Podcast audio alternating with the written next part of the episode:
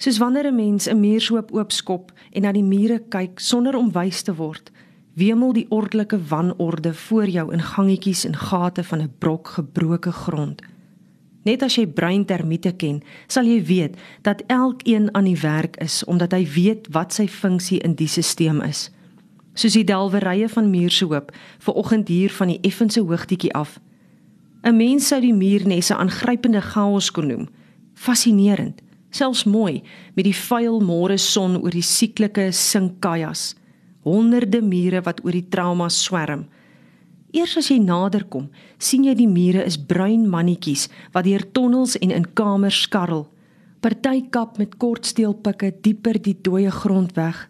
Ander dop grawe diamantgrys in emmers om sodat dit op skuin skowwe teen die wal van 'n klein uitgedra word tot in waansinnige swaai siwe onderstarende oë wat nie moeg mag word van kyk nie. Skommelsiwe lang stofstraatjies. Mans almal ewe bruin van stof en spatsels porrel. Die delwerye dreun van medepligtigheid. En agter 'n kantgordyn van bruin stof wapper 'n kringetjie vlaaggierig op diamantkopers se sinkkantoortjies. Die wind waai vandag weer koud uit die suide. Gier, soos wat net 'n winterwind op die hoë veld van Wes-Transvaal gier kan wees. En as jy verder weg sou staan, sien jy hoe roer stoppels wintermielies op uitgestrekte droë lande oor kan die rivier teen die wind. Onbewus van die komieklike kom wat oornag soos 'n nege oog tussen die opstal en die rivier in die spoelgrond oopgebars het. Asof die omliggende boerdery en die witgepleisterde opstal die wond verwerp, hulle daarvan distansieer. Dis kan die delwery skuins noord van die plaashuis met die rondomstoep ruk die agterdeur van 'n witgekaakte huisie oop en klap toe. En deur die enkele stofverwaaide grasies beer 'n plomp figuurtjie skuins, soos 'n spartelende hoender teen die woelige wind in op pad delwery toe. Sy trap versigtig oor die lyf voor en verwilder 'n windverwaaide gansmannetjie. Dat dit 'n vrou moet wees, is af te lei uit die wapperende lang grys rok om die strompelende bene. Soos wat sy nader aan die delwerskamp kom, sien jy die krampagtige vasgryp van die lastige kappie op die donker hare wat onder die tyd uitwaai. Die mond half oop en die oë gekreukelde skreefies teen die stof. Dit lyk of sy na die toedeur van die heel eerste delwerspondokkie mik. Maar in die wind is dit moeilik om te raai presies in watter rigting die vrou strompel. Haar bestemming is uiteindelik tog die Sinkaya in die duik, neffens die eerste van baie kleims rivier se kant toe.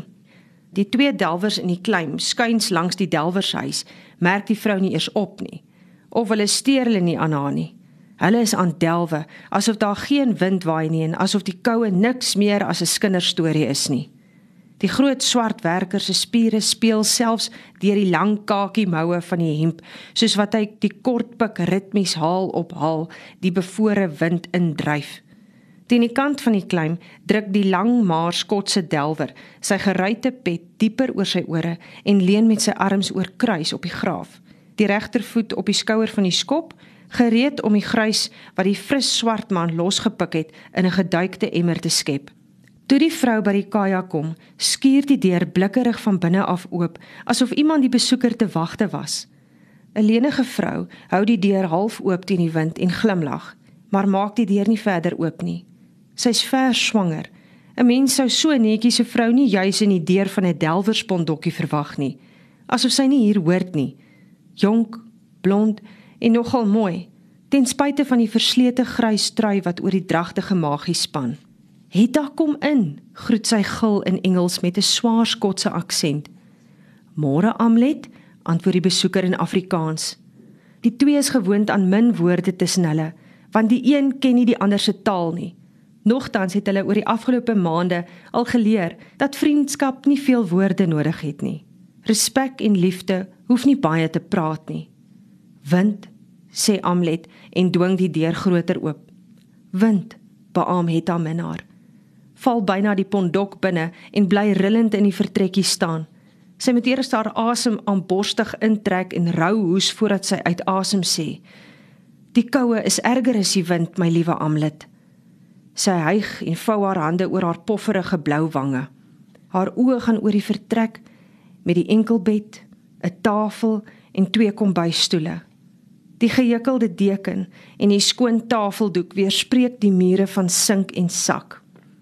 Voor die venstertjie, 'n gordyn wat hang soos 'n kind se rok wat veels te kort is. Die kamertjie ruik na spiritus en parafin. "Tee?" vra Amlet. "Tee," antwoord Etta. Buite gier die wind. "Die hout was aan die kom," sê Etta. "Jy het gesê ek moet kom sê." "Hout?" vra Amlet. Vuur maak hout. Ek sien jou hout is op, Amlet. Geld is op, Etta. Het julle niks gekry nie? Net Hoe sê julle nou weer? Net 'n puntertjie. Ons moes water koop. Sonder water kan 'n mens nie delf nie.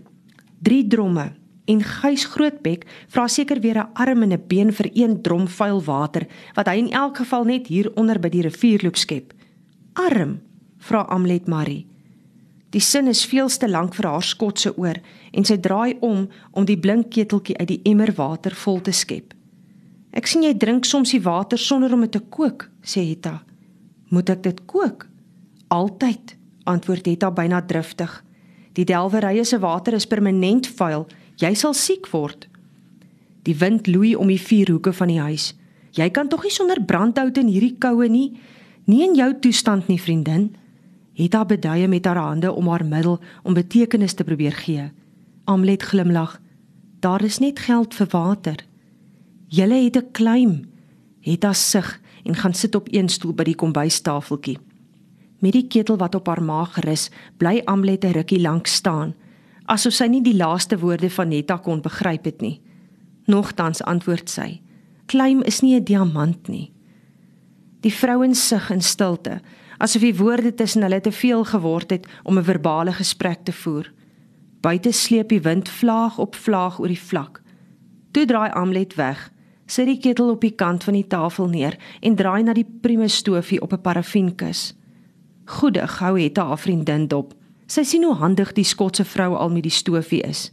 Toe sy hier aangekom het, moes hulle haar eers leer hoe om met die ding te werk. Sy en Mita moes haar meer as een keer kom help. Amlet gooi versigtig die spiritus in die bakkie, steek dit aan en begin die stofie pomp en wag vir die vlammetjie wat uit die spiritus spring. Hetta voel jammer vir haar, want al het sy alles reg gedoen, pas die skot steeds nie by die sinkkamer en die primus nie.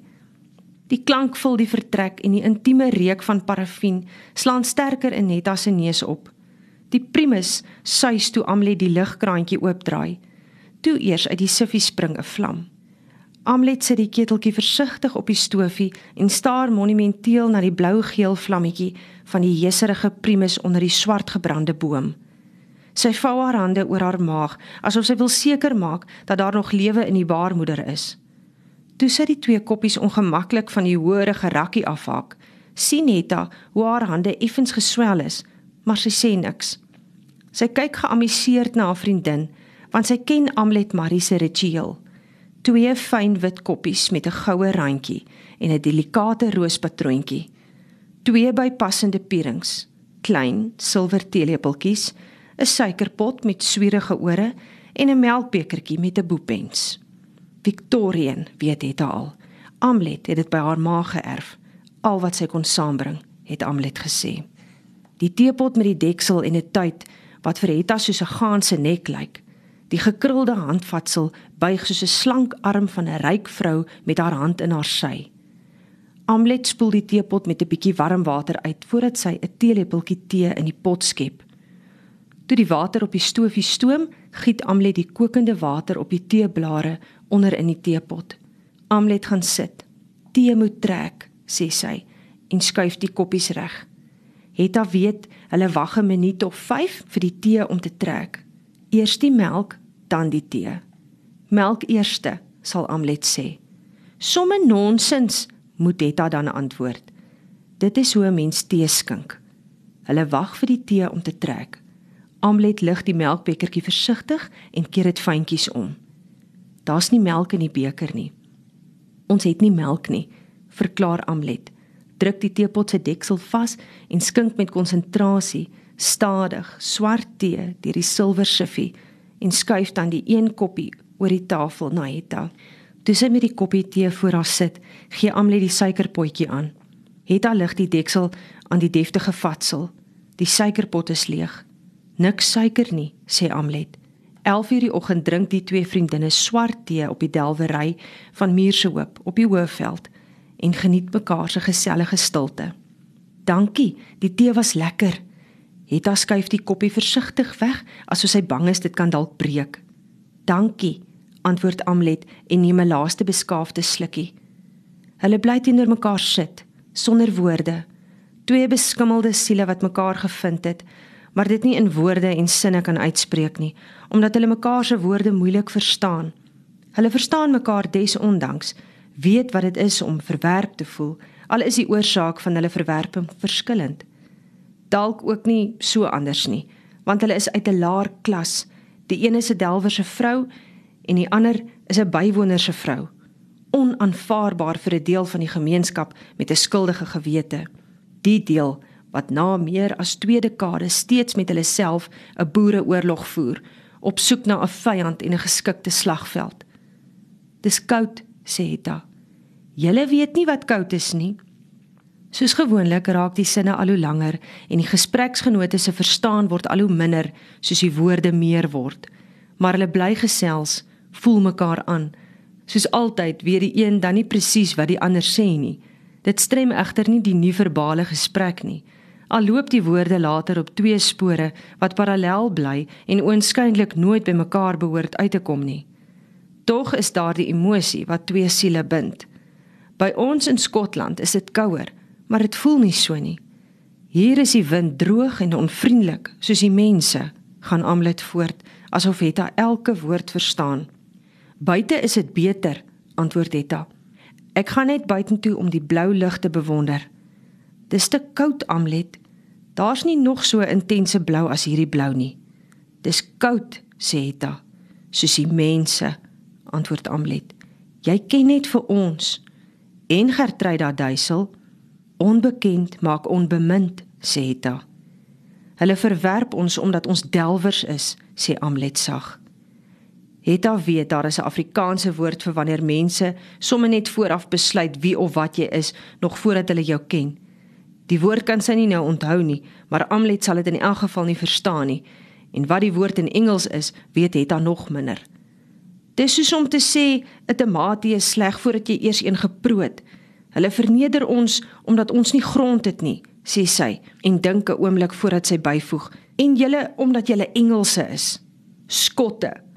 Donkie Duisel sien op almal neer wat anders is as wat hy dink hulle behoort te wees. Donkie? vra Amlet. Duisele donkies en myle aan die kakies in die oorlog verkoop. Donkies by die ander boere gesteel en aan die Engelse verkoop. Aan die vyand? vra Amlet. Aan die vyand, beameta. Die oorlog het seer gemaak. Dis 20 jaar terug. Amlet skuif die teepot nader. Onreg word nie oud nie, sê Hetta dis nie net ons aarde wat verskroei is nie. Onreg is 'n sonde wat ons nie maklik vergewe gaan word nie, meen Amlet. Hoekom haat julle ons so? Wie? Maak dit asof sy nie verstaan nie. Julle boere haat ons Engelse. Vir julle is daar nie 'n verskil tussen 'n Skot en 'n Engelsman nie. As jy Engels praat, is jy een van die vyand. Jy moet iets van die vernedering agter die loopgrawe probeer verstaan, verduidelik Etta. Ek wil nog altyd die siel van oorlog begryp. Die slagvelde is erg, maar oorlog se dieper dood is in die vroue wat 'n oorlog moreel in stand moet hou. Vat nou maar vir my en my Gert. Vertel, sê Amlet en Netta kan sien die vrou wil probeer verstaan. Ons is albei so 10 jaar voor die begin van die oorlog gebore in 'n tyd toe dit goed met ons in die republiek gegaan het totdat vreemdelinge die goud onder ons begin uitgrawe het. Dit sou goed bly gaan het, maar toe raak die Engelse regering vraatsig en probeer die rykdom wat die Here onder ons aarde gesit het, steel. Ons aarde, vra Amlet. Wie is ons, Hetta? Ons Afrikaners, sê Hetta. En die wat voor julle hier was en voor hulle, dis ons grond. Maar Hetta is nou self nie meer so seker van die verloop van die gesprek nie. Die aarde behoort aan die Here, sê Amlet stilweg en sy wil oor die diamante op die delwerye vra, maar Retta verkies om verder oor haar eie geskiedenis te praat. Sy bly eers stil asof sy die volgorde van die gebeure oorweeg. En toe kom die oorlog, help Amlet met haar oë op haar vriendin. Toe kom die oorlog en ek was skaars 10, te klein om iets daarvan te kon begryp. En dit was ver van ons af. Ek het toe al 'n hele rukkie by my ouma gebly omdat my pa in oom Paul se artillerie was en my ma nie vir al sewe kinders kon sorg nie. Totdat ek en my ouma op 'n bitterkoue Hoëveldse winternag saam met baie ander vrouens en kinders hier na die dorp se konsentrasiekamp toe gebring is. Sy bly stil, sluk swaar voordat sy voortgaan. Dood het in die kamp 'n gewoonte geword. Begrafnisse was deel van elke dag se rotine. My ouma is in die eerste 3 maande al oorlede. Sy was oud. Ek het gedink sy's nooit begrawe nie, want hulle het haar een oggend saam met 'n hoop ander dooies in 'n oop muilwa weggery. Eers toe ons hier op Varkensfontein kom woon het, het ek gehoor dis myle wat Hendrik Duisel aan die Engelse verkoop het. "Hoekom bly jy en Gert dan nou nog hier?" vra Amlet. "Waarheen anders?" vra Hetta. Gert het in dieselfde kamp as ek beland, saam met sy ma en vyf ander kinders. Hulle is almal in die kamp dood. Teen die tyd dat die vrede gekom het, was hy al wat oor is en na die oorlog is hy eers terug na hulle plaas toe. Daar het niks van die spogplaas oorgebly nie. Alles verbrand. Huis, waanhuis, krale, landerye. Nie 'n lewende dier het agtergebly nie. Toe kom hy terug kamp toe waar hulle my en hom in die weeshuis vir kampkinders gesit het. Ek het as verpleegstertjie gehelp en Gert is as messelaar opgelei. So het die kampwesies hulle eie weeshuis gebou. Dit is waar Gert 'n belofte aan homself gemaak het dat hy in sy lewe nooit weer aan 'n baksteen sal vat nie en hy sal nooit vir iemand laat agterkom dat hy 'n messelaar is nie. "Toe trou julle?" vra Amlet. 2 jaar na die vrede trou ons en stap ons met ons voete van plaas tot plaas om te hoor wie soek 'n bywoner, maar die meeste verskroeide plase kon skaars hulle eienaars dra. Tot hier op Varkensfontein het ons gestap waar ons blyplek by Hendrik Tafel kry. Ek glo nie ek verstaan heeltemal nie, maar dit help tog. Dis van toe af dat my Gert nie eintlik praat nie. Ek dink nie hy vertrou mense nie, selfs nie ander Afrikaners nie. Weer raak die tale te ingewikkeld en die stilte val gemaklik tussen die twee totdat Hetta vra: "Hoe gaan dit met die baba?" "Ek sukkel," sê Amlet. "Hoe so?" "Ek is nie gesond nie." "Dis die water," sê Hetta. "Jy moet dit kook." "Seker nie die water wat ons koop nie." Vanaf die delwerye hier begin het, kook ek alles. Die delwers weet nie eens meer wat 'n klein huisie is nie. Sy bly stil asof sy besef sy praat met die vrou van 'n delwer. "Klein huisie?" vra Amlet. Hetta dink, maar sy kom nie op 'n Engelse woord nie. "Toilet?" vra Amlet. Hetta glimlag. Nou verstaan hulle mekaar. "Jy kan gerus ons klein huisie gebruik," nooi Hetta gil. "Dit is die klein gebouetjie tussen ons huis en die lei voor." Hetta glimlag. Donkie Duisel wou nie die bywoners se klein huisie aan sy kant van die bywonershuis hê nie. Maar sy sien Amlet volg nie en het haar beduie toe maar huise kant toe en vervolg. Al is dit net vir haar privaat humor. Voor die delwerye hier was, kon 'n mens die deur ooplos en oor die veld uitkyk tot daar onder waar die rivier buig. Maar nou moet jy maar die deur toemaak en sonder 'n uitsig sit. Dis nou die een plekkie waar ons almal gelyk is. Of jy nou arm of ryk is, as jy moet sit, moet jy sit. Hetta verkneukelaar na haar eie grappie. Die glimlag op Amlet se lippe getuig inderdaad daarvan dat sy nie 'n snars volg nie. Hetta kyk bekommerd na haar vriendin totdat die sê: "Ek voel nie lekker nie. Ek dink nie ek gaan melk vir my baba hê nie. Ons sal 'n plan maak," troos Hetta en staan op. Op hierdie godverlate plek Amlet bly sit asof sy vra dat Hetta nie so gou weer moet loop nie. Hier is bokke om te melk. Hoekom laat die Here toe dat kinders op 'n delwery gebore word? Dit is sy wil. Amlet glimlag effens. Dit voel vir my meer soos Angus se wil. Wil jy dan nie die kind hê nie? Dis nie dat ek nie die kind wil hê nie, Hetta.